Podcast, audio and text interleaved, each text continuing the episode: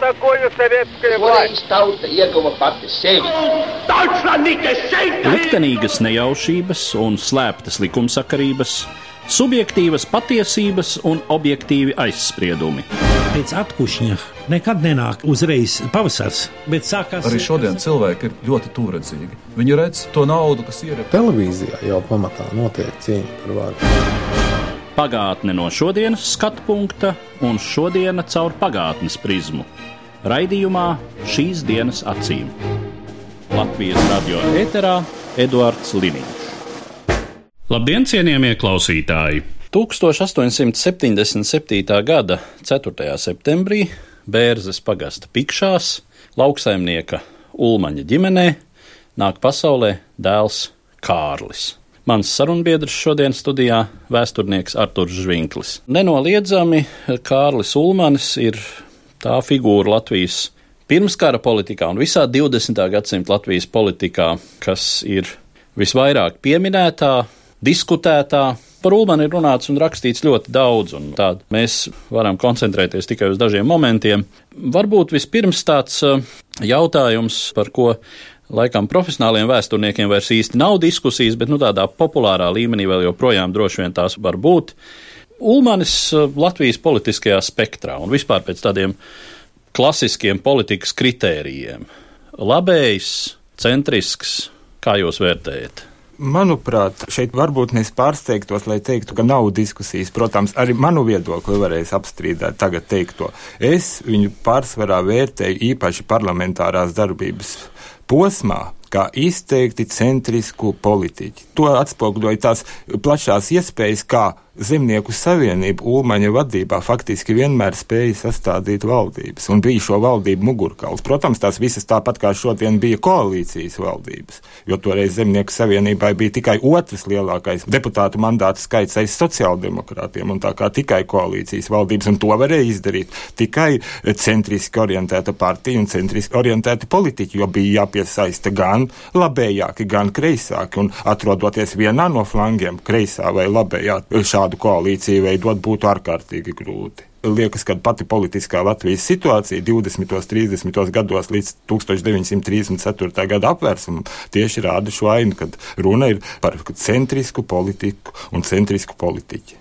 Nenoliedzam tas, ko mēs zinām un redzam no vēstures grāmatām. Ulmans ir viena no ievērojamākām, ja ne pat ievērojamākā figūra demokrātiskās Latvijas politikā, bet, nu, ja mēs viņu izcilāko Latvijas politiķu galerijā aplūkojam, tad uh, kuri varbūt bija viņa nozīmīgākie konkurenti šajā laikā? pašas partijas iekšienē ļoti ietekmīgs un konkurējošs, var teikt, cilvēks viņam bija Hugo Celmiņš. Arī Zemnieku savienības viens no redzamiem partijas līderiem, kas būtībā uz 20. gadu beigām un 30. gadu sākumu par tika vērtēts kā daudz populārāks par partijas vadītāju Kārli Ulmani. Viņš bija arī diezgan ilgu laiku ieņēmis ministru prezidenta amatu, un e, viņš baudīja lielu popularitāti. Un atšķirība bija tā, ka Hugo Celmiņš vairāk orientējās tieši uz demokrātiskā parlamentārisma, likumības metodēm, e, valdību veidošanā un politiskā darbībā, kā tomēr viņa zināmā mērā pretmets paša partijā, Kārlis Ulmanis, vadījās no nedaudz citiem principiem. Viņa galvenais princips bija sarunāt aizkulisku manevri, aizkulisku sarunas, veiksmīgi kompromisi. Mēs piedāvājam to jums par to, par to. Tā tad ļoti liela prasme kombinēt, ļoti liela prasme sarunāt, ļoti liela prasme tirgot un satirgot valdību. Jo atšķirībā no šodienas saimas, kur pastāv 5% barjeru, toreiz šādas barjeras nebija. Tas nozīmē, ka bija jāpiesaista tā saucamie vieninieki, divnieki, trīnieki saimā. Un tas nu, prasīja ļoti lielu meistarību, un tā Ulmanim nenoliedzami piemīt tādā mērā, kāda nepiemīta nevienam citam politiķim, ne pašā zemnieku savienībā, ne arī citās partijās. Un vēl viens moments, kas ir jāņem vērā parlamentārā periodā, arī ar šo te meistarību Ulmanis tomēr diezgan e, īsus brīžus atradās, ja mēs vērtējam e, ministru prezidenta amatā. Ja runājam par pagaidu valdības periodu, nu tur, protams, no 1918. gada novembra līdz 1921. gadam jūnijam diezgan relatīvi ilgs laiks, pat salīdzinot ar šodienas ministru kabinetu kabinets pastāvēšanu. Bet pēc tam šie periodi bija ļoti īsi. Ministru prezidents no 1925. gada decembra līdz 26. gada maijam, no 31. gada marta līdz decembrim, no 34. gada marta līdz maijam. Tas ir likumīgais. Cita runa bija par to, kas notika 15. maijā. Tā kā pat viņam neizdevās ilgstoši atrasties, bet tas nenozīmē, ka pati partija neatradās pie varas. Pati partija faktiski atradās pie varas visu laiku. Vienīgi ministru prezidenta amatu neieņēma Kārlis Ulmanis. Tā kā viņš pat šai ziņā arī radīja tādu iespaidu, ka vēlētājiem, nu, viņš jau sevišķi pat, nu, neraujas pēc tās varas. Viņš gādā par partiju, viņš ir aizkulisēs, viņš ir visur, viņš ir populārs, protams, nenoliedzami. Un daudz kur tiešām uzskatīja, ka eh, tas pats Hugo Celmiņš ir daudz populārāks. Pat e, tā saucamās zemnieku dienu atzīmēšana un zemnieku svētku atzīmēšana 31. gadā parādīja, e, ka Hugo Celmiņš tiek daudz vairāk sumināts nekā pats partijas priekšsēdētājs Ulmans. Ja mēs e, paskatāmies uz šo periodu pirms apvērsuma 1934. gadā, nu izskatās, ka Ulmanis nebūtu nav ļoti veiksmīgs valsts vadītājs, ievērojot šo valdību ilgumu Daļēji jā, bet daļēji arī jāņem vērā, ka tās bija nepārtrauktās politiskās intrigas, gluži kā šodien nepārtraukti mēģinājumi destabilizēt situāciju no viena vai cita politiska spēka puses. Te tā situācija bija gauži līdzīga šodienas situācijai, un viņš jau ar savu manevrēšanu bieži arī iemanevrēja tā, ka viņa varas perioda izrādījās ļoti īsi. Protams, zināmās aprindās bija attieksme pret viņu, ka viņš ir apnicis, ka viņš ir pelēks, nevisai veiksmīgs politiķis politiķis. Pa vidam vēl bija šādas tādas viņam piedēvētas banku afēras, skandāli saistīti, kur mēģināja un pat piesaistīja viņu vārdu. Vispirms jau par pašu 15. māja apvērsumu un to situāciju, kādā tas notiek. Alaž, kad par šo notikumu un par šo problēmu runā, tie, kuri Ulmaņa rīcību šai situācijai vairāk vai mazāk attaisno, pirmkārt min starptautisko kontekstu. Kā diktatūra Tobrīd Eiropā nav nekas ekstraordinārs, drīzāk jau otrādi, sevišķi ja runā par jaunajām pēc uh, Pirmā pasaules kara tapušajām Eiropas demokrātijām. Un, uh, protams, ja paskatās uz Eiropas politisko karti tajā brīdī, tad patiesi var secināt. Ja.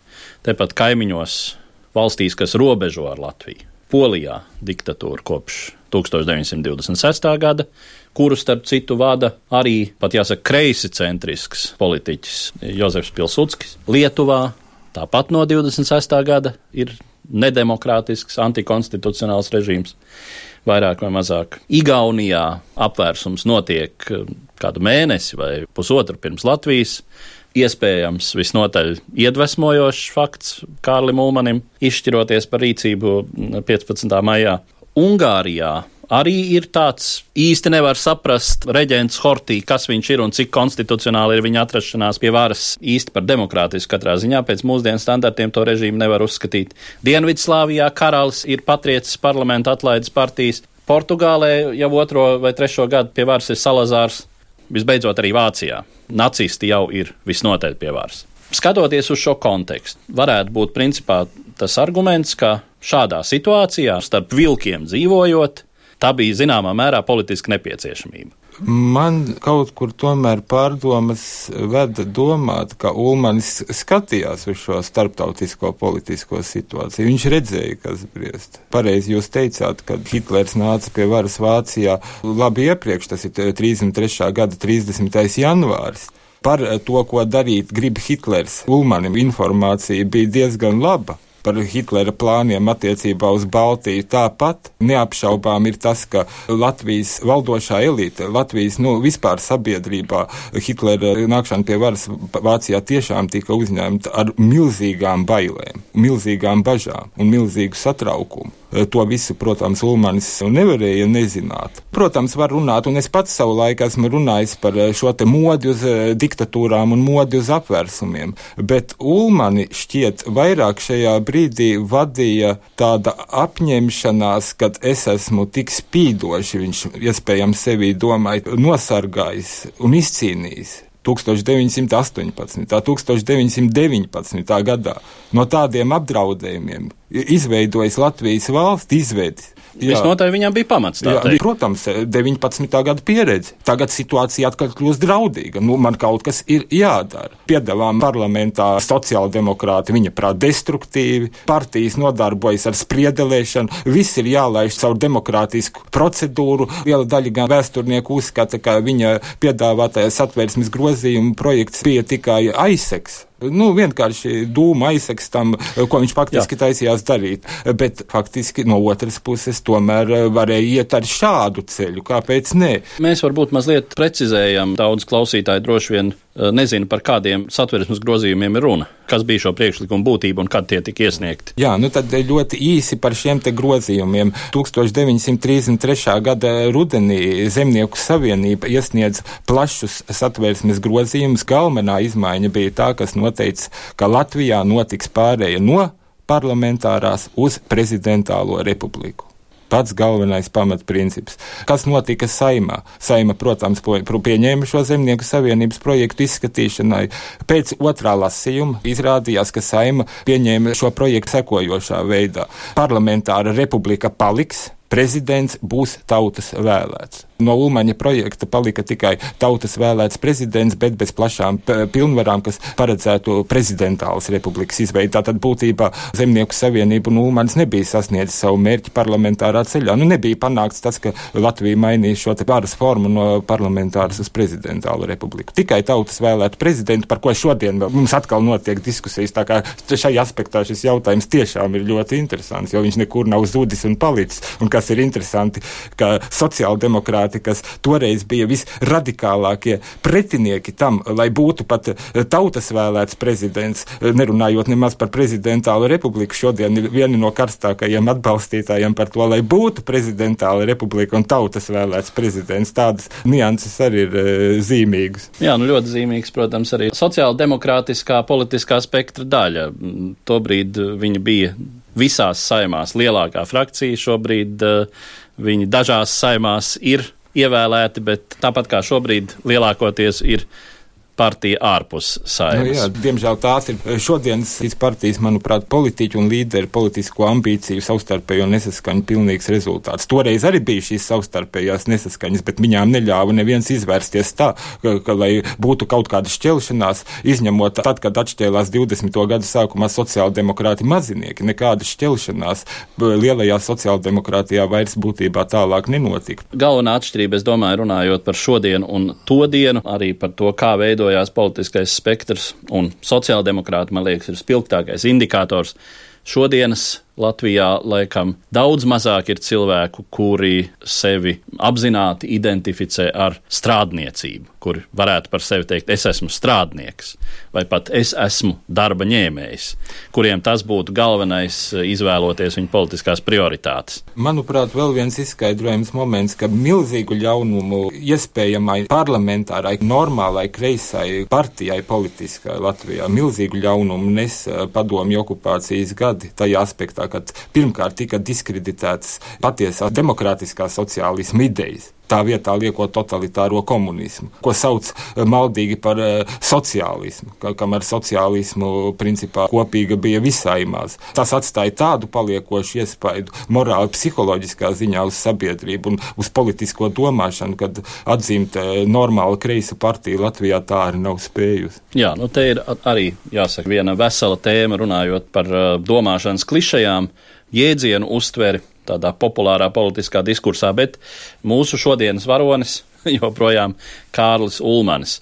Un uh, viņa lēmums 1934. gada 15. maijā likvidēt demokrātisko Latviju un veidot savu Ulmaņa diktatūru, autoritāro režīmu.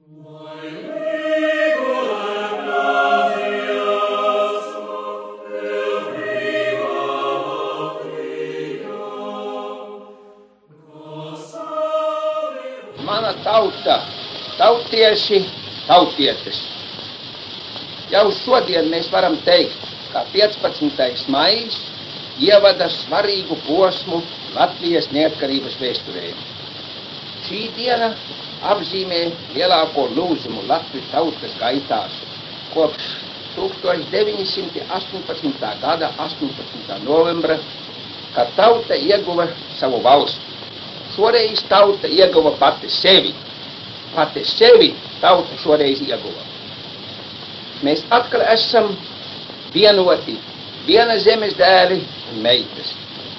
15. maijs liek pamatu jaunai nākotnē, par kuras iespējamību daudzi šaubījās, bet kuras nepieciešamību visi atzina.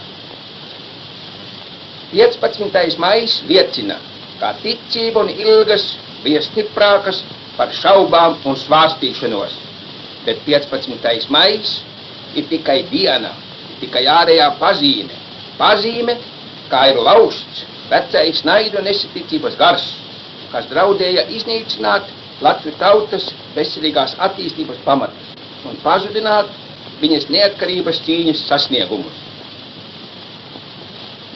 Viena diena tomēr nevar grozīt to, kas attīstījies 16 gados.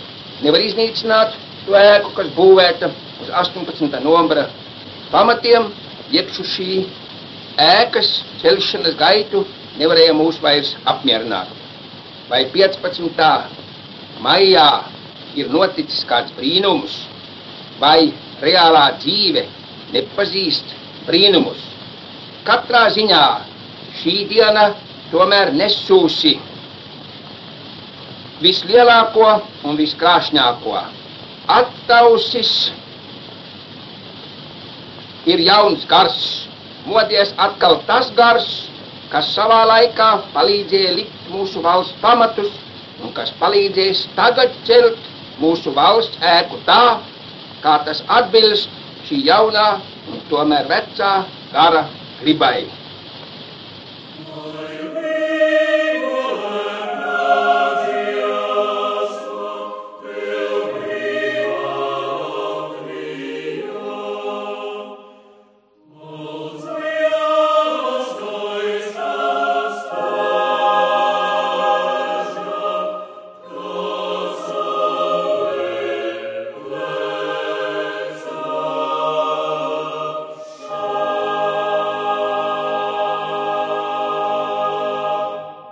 Kādā radio tiešraidē es atļāvos uh, teikt dažas lietas par Ulmaņa režīmu un citas starpā nosaukt to par diktatūru, salīdzināt ar Musolīni režīmu. Es domāju, nebija īpašs noziegums, jo vispār līdzības ir diezgan daudz. Jā, neapšaubāmi. Un itāļu fašisms bija tas, no kā daudzi šie diktatori mācījās. Un ne tikai diktatori, bet arī labējas un galēji labējas kustības. Tāda Latvijas galēji labēja kustība bija pērkoņkrusts. Un te ir vēl viens no iemesliem, kāpēc Ulmans pat izšķīrās par šo apvērsumu, jo pērkoņkrusts ar savu darbību viņam ļoti nepatika, un te viņš saskatīja arī sev reālu politisku draudu. Te arī daļai Igaunijas piemērs, kur bija līdzīga kustība kustība labēja, un e, tā kā tas vēl viens moments, kas pasteidzināja viņa darbību, jo ne tikai kreisais e, spārns, ne tikai komunistiskā strādnieku zemnieku frakcija, tā viņa pat īpaši vairs tajā brīdī neuztrauc, jo šīs frakcijas absolūtais vairākums uz viņa apvērsumu brīdi, ja sen jau kā atradās cietumā vai bija emigrējis uz Padomju Savienību. Viņu satrauca tieši e, labējā itāļu fašismu dievinošā latviešu nacionālistiskā pērkoņkrusta kustība. Un es šo kustību faktiski varētu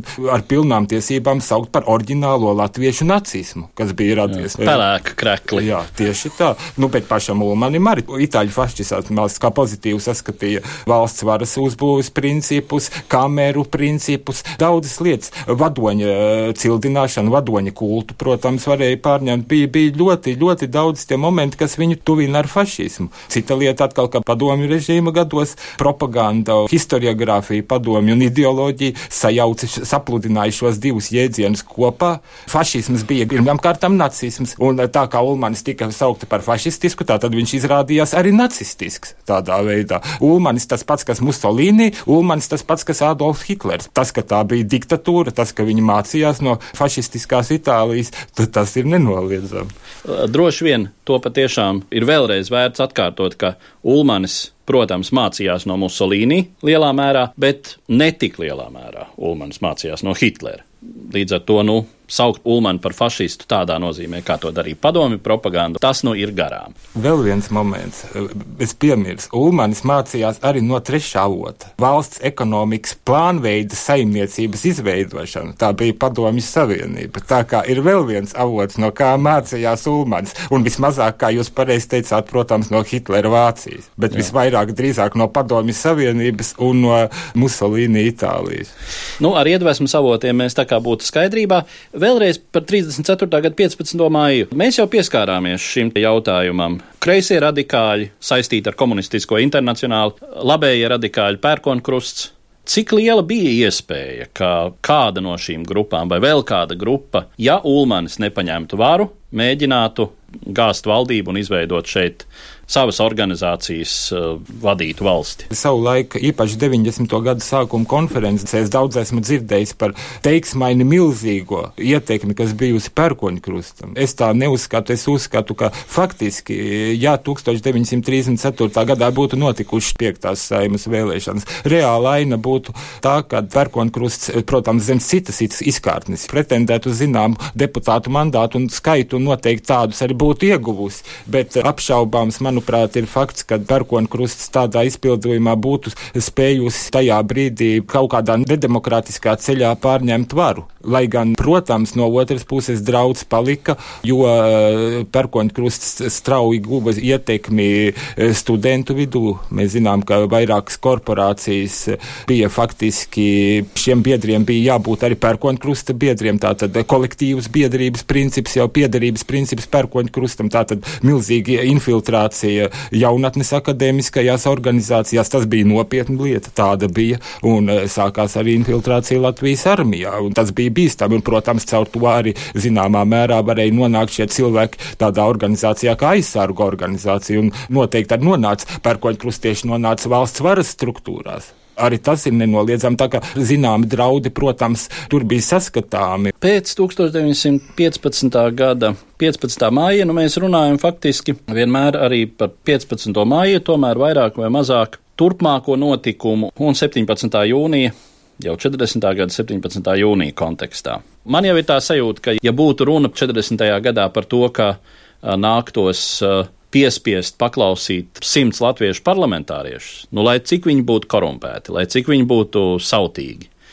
Tas būtu grūtāk izdarāms nekā tikt galā ar vienu ulmani. Jā, tam var piekrist. Manuprāt, visai pamatoti. Viena lieta, gan, ko es gribētu piebilst, te pat netik daudz par Ulmani runa, bet par Ulmani arī, protams, kā 20 neatkarības gadi ka tā arī nespēja šajos 20 gados radīt reālu valstu savstarpējo sadarbību, militāro savienību, reālu Baltijas antanti, par kuru savā laikā jau sapņoja un iestājās Zihfrīds, Anna Meierovics, tās pašas zemnieku savienības biedrs, pie kuras piederēja Kārlis Ulmans nebija šo spējīgo politiķu. Nu, ko tur būtu varējuši darīt simts parlamentārieši? Protams, būtu bijis grūtāk sarunāt un grūtāk piespiest viņus, bet galu galā principā Latvijas liktenis bija izlēmts lielā mērā. Protams, Višinskim būtu grūtāk gājis Staļinam, būtu grūtāk gājis šis okupācijas process, bet nepiedodami bija nokavēts laiks, un kā jau es teicu, kad 39. gadā visām rindiņā rudenī trijām Baltijas valstīm uzspieda parakstīt savstarpējās palīdzības sadarbības paktus ar Padomju Savienību un ielaist šeit iekšā garnizonus, tad jau jautājums bija izšķirts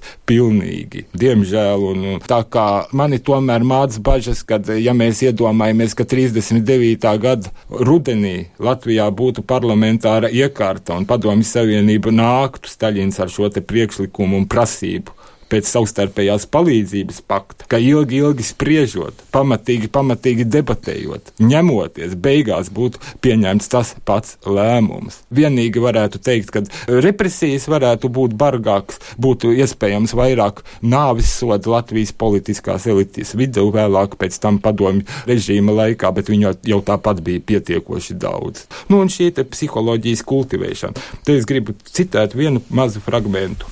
39. gada 8. septembris, tikko sācies otrais pasaules karš. Latvijas iekšlietu ministrs, tātad Ulmaņa valdības ministrs Kornēlijs Veitmanis atklāja Latgales Mārus pieminekli un saka sekojošus vārdus. Mēs uzticamies mūsu valsts valdībai, kas gan e, zinās visas lietas pareizi nokārtot. Neaizmirsīsim, ka mūsu valsts dzīve un mūsu zemes aizsardzības lietas vada tie paši vīri, kas toreiz pirms 20 gadiem izveduši mūsu valsti caur visiem pārbaudījumiem. Tātad Lūdzu, viņi jau zinās, Ulmanis jau zinās, kā Jā. visu izdarīt. Jā, ir saimnieks, tā, kurš tieši... zinās vadonis, kurš tiks ar visu galā. Nu, jā, tā, tā laikam ir tā lielākā nelaime, kas piemīt atkal visiem diktatoriskiem un autoritāriem režīmiem. Pārāk daudz cilvēku paļaujas uz to, ka vadonis jau zinās, vadonis jau krīzes situācijā pratīs rīkoties un izpestīs.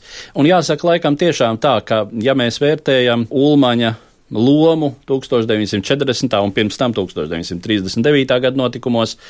Aplami būtu teikt, ka tajā brīdī, lūk, ja būtu bijis uh, stiprāks vīrs ar stiprāku gribu, tā vietā varbūt mēs pretotos, varbūt viss būtu citādi. Nu, diezin vai.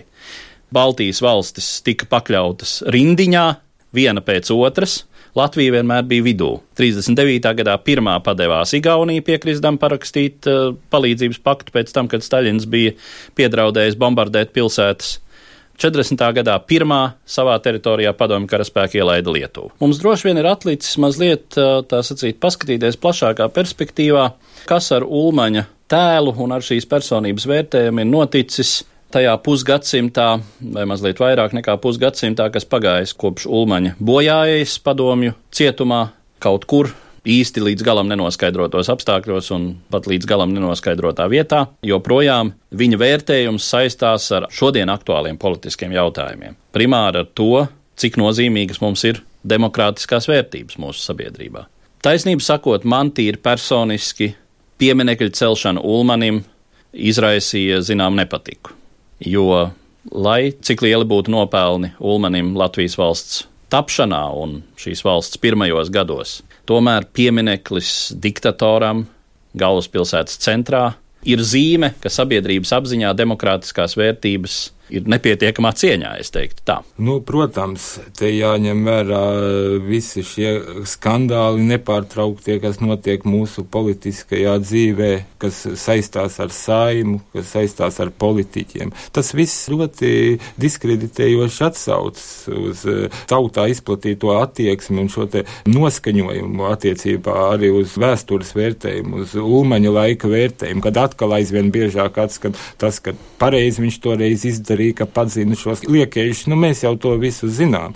Šajā gadījumā eh, vēl jāņem vērā, protams, padomju laika iespējas, jo padomju nemitīgā ulmaņa zākāšana un gānīšana radīja pretējo iespēju. Tātad, eh, ja kādu tik ļoti zākā un lamā, un piedāvām lamā lielā mērā nepatiesi, jo lamāja viņu un gānīja ne īsti par to, ko viņš ir izdarījis, bet uz propagandistisko izdomājumu pamatu. Tad, eh, protams, šāds cilvēks tiek eh, eh, aizvien vairāk cildināts un aizvien kļūst tāds glorificētāks un aizvien tāds šķiet nemaldīgāks un šķiet varenāks, slavas apvītāks aizvien. Un te jau ir vēl viens moments, ka pat oficiāli, kā mēs zinām, nesen notika Latvijas valsts prezidentu maiņa un kad bieži mūsu masu informācijas līdzekļi pat oficiālā līmenī nonāk tādā amizantā stāvoklī, ka nezinu, kurš prezidents pēc kārtas tad varētu būt Valdis Zatlers, tāpēc, ka citi skaita Kārli Ulmani kā Latvijas valsts prezidentu, citi neskaita. Tā tad vienreiz skaidri un viennozīmīgi būtu jāpasaka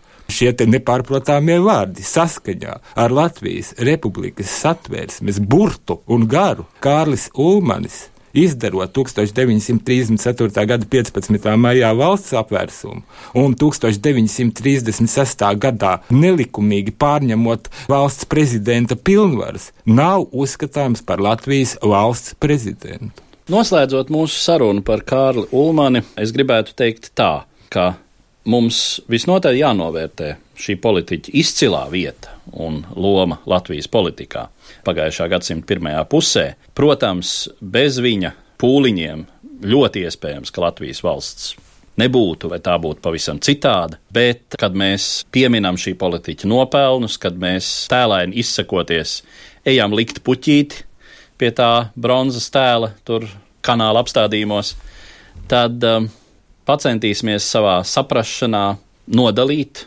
vienu no otra, nelikt šo puķīti vadonim, nelikt šo puķīti cilvēkam, kurš paša būvēto demokrātiju ar vieglu roku iznīcināja un pēc tam tomēr no viņa rokām šo demokrātiju paņēma Staļins, Višinskis un kompānija. Es uh, pateicos par šo sarunu vēsturniekam Arturam Žvinklim. Paldies! Paldies! Par pagātni sarunājas Eduards Līniju.